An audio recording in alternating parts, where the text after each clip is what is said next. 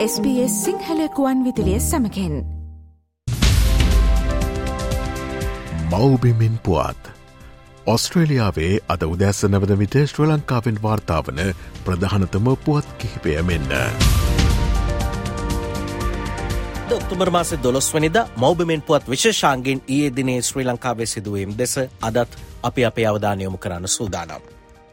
පසුගේදා අධිකරණයේ තීන්දුවක් ලබා දුන්න අමාත්‍ය නසීර් අහමඩ් ශ්‍රී ලංකා මුස්ලිම් කොංග්‍රසයෙන් නිරපීමට ගත්තු තීරණය නීත්‍යානුකූලයි කියලා ශ්‍රේෂ්ඨාධිකරණයේ තීන්දු කරා ඒ හින්දා මුස්ලිම් කොංග්‍රසය විසින් තමන්ගේ පක්ෂ සාමාජිකත්වය අහිමි කිරීමට එරෙහිව තමයි නසීර් අහමඩ් මන්ත්‍රීවරයා පෙත්සමක් ඉදිරිපත් කළේ එතකොට මේ පෙත්සම් විභාග කිරීමෙන් පස්සේ තමයි මේ නියෝගයේ ශ්‍රේෂ්ඨාධිකරණය ප්‍රකාශයට පත් කරේ. දැන් මේ හිස්වෙන මන්ත්‍රී ධූරය සඳහා නමක් යෝජනා කරන්න කියලා මැතිවරණ කොමිෂන් සභාව ඔහු නියෝජනය කරන මඩකලපුව දිස්ත්‍රික්කයේ දිස්ත්‍රික් තේරීම් තේරීම්බාර නිලධාරිවරයාට දැනුම් දීලා තියෙනවා. කොමනත් ඊළඟට එම දූරයට පත්වෙන්න තියෙන්නේ අලිසහිර් මෞලානා බවට සඳහන් කරමින් ඔහු තමන්ට මේ මන්ත්‍රදූරය ලබා දෙන්න කියලා අදාළ පාර්ශවලට දැනුම් දීලා තියෙනවා. ඒවගේ මාලිසාහිර මෞලානා ඉල්ලිමක් කරලා තියෙනවා. ලබන දාහත් වෙනදා පාර්ලිමේන්තුවේදී මන්ත්‍රදූරයේ දිවුරුම් දෙන්න ඔහුට අවශ්‍ය අවස්ථාව සලසල දෙන්න කියලා. මේක ඓතිහාසික නඩු තීන්දුවක් හැටියටයි ඇඳින් වෙන්නේ. අපි බලමු ඉදිරියේදී ඒ හරහා ගිහිල්ලා පක්ෂමාරු කරපු අනිත් මන්ත්‍රීවරුන්ට එරෙහිවත් එවැනි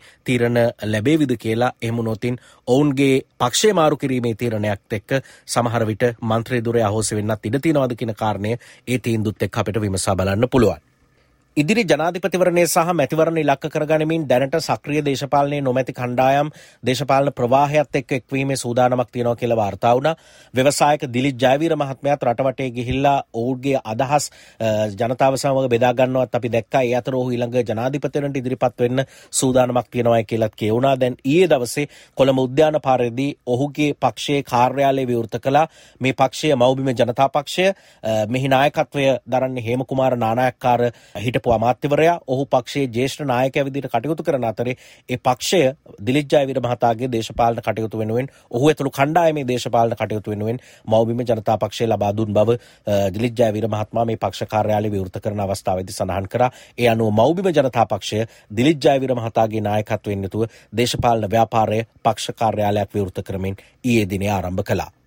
පලස්තීන හමස් සංවිධානය සහ ඉස්්‍රයිලය අතර ගාසාතීරය ඇති වූ ගැටුම් නිසා ශ්‍රී ලාංකික ගෘහසේවකයින් ඇතුළු ශ්‍රී ලාංකිකයන් විපතට පත් වූවාද කියන කාරණය සම්බන්ධයෙන් දැන් විමසා බැලමින් තිබෙනවා. එක් පුද්ගලයෙක් සුළු තුවාල ලබලා රෝහල් ගත වෙලා රෝහලින් නික්මිලා දැන් ඔහු ජීවත් වන ස්ථානයට ගබන් කරාය කියලා වාර්තා වෙනවා. ඒ වගේම තවත් දෙදෙනෙක් අතුරු දන් වුණු බව වාර්තා වෙනවා. ඉදිරියේදී ඊස්ට්‍රයිලේ රැඳී සිටින ශ්‍රී ලාංකිකයන්ගේ අවශ්‍යතාව වෙනුවෙන් සොයා බලලා කටයුතු කරන්න සූදානම් බව මනුෂ්‍යනාන නායක්කාර ඇමතිවරයා සඳහන් කරා විදේශ රැකියා අමාත්‍යවරයා විදිහට. අපි රටක් විදියට අපේ රටේ ඉන්න ශ්‍රමිකයන්ගේ ආරක්ෂාව සම්බන්ධයෙන් ඔවුන්ගේ තොරතුරු ලබා ගැනීමට අපි විශේෂ WhatsApp පණිවිඩ ලබා ගැනීමේ ක්‍රමවේද උදා කරගෙන තියෙන. ඒ වගේම තානාපති කාර්යාලය විවෘත කරලා තියෙන ඕනෑම අවස්ථාවක උන් සඳහා පැමිණෙන්න. ඒ වගේම යම් යම් ඇතැම් ප්‍රදේශවල තමයි මේ ගැටුම් ඇති වෙන්නේ. අනිත් ප්‍රදේශවල අයට තමන් කැමති නම් ලංකාවට එන්න අවශ්‍ය පහසුකම් සලසන්නත් අපි කටයුතු සූදානම් කරලා තියෙනවා. ඉතින් අපේ දෙදෙනෙක් පිළිබඳව අපිට තාමත්ම කනගාටුදායක තොරතුරු ලැබෙමින් පවතුන තවදුරටත් එවන් තත්ත්වයක් ඇති නොවෙන්න කොයි විදිහටද වැඩ කරන්න පුළුවන් ආරක්ෂාව හදාගන්න පුළුවන් කියන එක ඊශ්‍රායලයේ පාලන අධිකාරීන්ත් එක්ක අපි සාකච්ඡා කරගෙන යනවා ඒත් සමගම ශ්‍රී ලංකාවේ පුද්ගලයන් ඊස්ට්‍රයිලේ රාජකාරය කරමින් සිටියදී ඔවු නතුරු දන්වීම සහ ඒ සම්බන්ධයෙන් ඊස්ට්‍රයිලේදී ක්‍රියා කරන ආකාරය පිළිබඳව ඊස්ට්‍රයිලේ ශ්‍රී ලංකා තානාපති නිමල් බණ්ඩාර මහතාත් අදහස් පළ කළා. ශ්‍රී ලාංකික ගෘහසේවිකයන් බෞතරයක් ජීවත් වෙන්නේ ටෙල්අවිව්, ජෙරුසලම් සහ හයිෆා යන ප්‍රධාන නගරවල. කීප දෙනයි මේ ගාසා තීරයට ආසන්නයේ තියෙන්නේ. මේ ආසන්නයේ පිහිටි ස්ථාන වලින් අපිට වාර්තා වුණේ සිද්ධි තුනයි. ඒ සිද්ධි තුන අතරින් සිද්ධි දෙකක් අපිට වාර්තා වුණා ශ්‍රී ලාංකික කාන්තාවක් සහ ශ්‍රී ලාංකික තරුණ මහත්මයෙක් අතෝදහන් වූ බව. ඊට අමතරව ඒ කුජලයෙකු රෝහල් ගත කළා තුවාල ලබා අද දිනේ අපි උදේ වාර්තාව ලබා ගත්තා රෝහලෙන්. ඔහුගේ තත්ත්වය සාමාන්‍යයි ඒ නිසා අද ඔහු රෝහලේ පිටත් කර හැරියා ඔහුගේ නවාතැන වෙත. ඉන්දයානු සාගර කලාපීය රටවල අමාත්‍ය මණ්ඩල රැස්වීමකට සහභාගී වෙන්න ඉන්දිය විදේශ කටයුතු අමාත්‍ය ආචාරෙස් ජයශංකර් ලංකාවටාවා. ඊයේ දවසේ රනිල් වික්‍රමසිංහ ජනාධිපතිවරයාත් හමුවුණා ඉන්දිය විදේශ කටයුතු අමාත්‍යවරයයි ජනාධිපති රනිල් වික්‍රමසිංහ මහතා අතරයි සාකච්ඡාවකුත් පැවැත්විලා තිබෙනවා.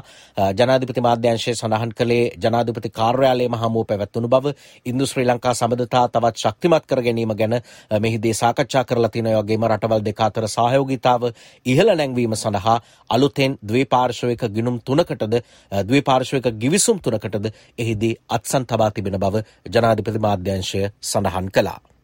ඊයේ දිනේ කොළඹදී ආරම්භ වුණු ජාතික තොරතුරු සාක්ෂණ සහ ව්‍යාපාර ක්‍රියාවලි කළමනාකරන සතිය ඊයේ දිනේ ආරම්භ වුණා. එහි ප්‍රධාන ඇරඹුම් උත්සවය ජනාධිපතිවරයාගේ ප්‍රධානත්වයෙන් සිද්ධ වෙද්දී තාක්ෂණ හා හරිත ආර්ථිකයකට රට ගෙනයාමේ වැඩපිළිවෙලත් එක්ක සක්‍රියව එක්වෙන්න කියලා පෞද්ගලිකාංශයට තමන් විවෘතව ආරාධනා කරන බව ජනාධිපති රනිල් වික්‍රමසිංහ මහත්මයා සඳහන් කළා මේ අවස්ථාවට එක්වෙමින් ජනාධිපතිතුමා මෙවැනි අදහස් දැක්වීමකුත් සිදු කළා. අපේ රට අද ආර්ථිකය කඩා වැටිලා ගොඩ ගන්න වෙලාවේ. ආර්ථික ස්ථාවර භාවයක් ඇති කළා මදි. අපි ඊට පස්සේ ගත්තේ ණය ආපහු ගෙවන්න ඕනේ. අපිට වැඩි කාලයක් හම්බ වෙන ණය ගෙවන්න. අපිට ඕනා බඩු භාණ්ඩ ගන්න තියෙනවා. ඒවට අපි ගෙවන්න තියෙනවා. ඒ ගෙවන්න තරම් මුදල් අපිට නැහැ විදේශ විනිමය. අපිට ආපහු ණය ගන්න තියෙනවා. ඉතින් අපි ණය චක්‍රයේ ඉන්නවද? නැත්නම් ණය චක්‍රයෙන් අයින් වෙලා ඉදිරියට යනවද කියන එක තමයි අපිට බලන්න තියෙන්නේ. ඒ නිසා මේ රටේ විශේෂයෙන්ම ඉතා තරඟකාරී ආර්ථිකයකින් ලෝක වෙළඳපොළට ගමන් කල්ලා එහෙන් පිට ලැබෙන ආදායම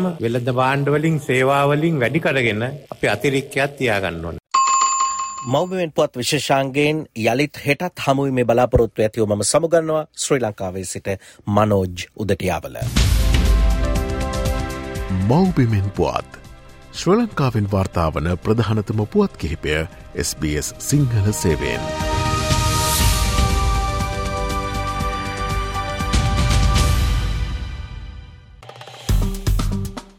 ලයි කරන්න ෂයා කරන්න අදහස් ප්‍රකාශ කරන්න SBS සිංහල ෆස්බුක් පිටුව ෆලෝ කරන්න.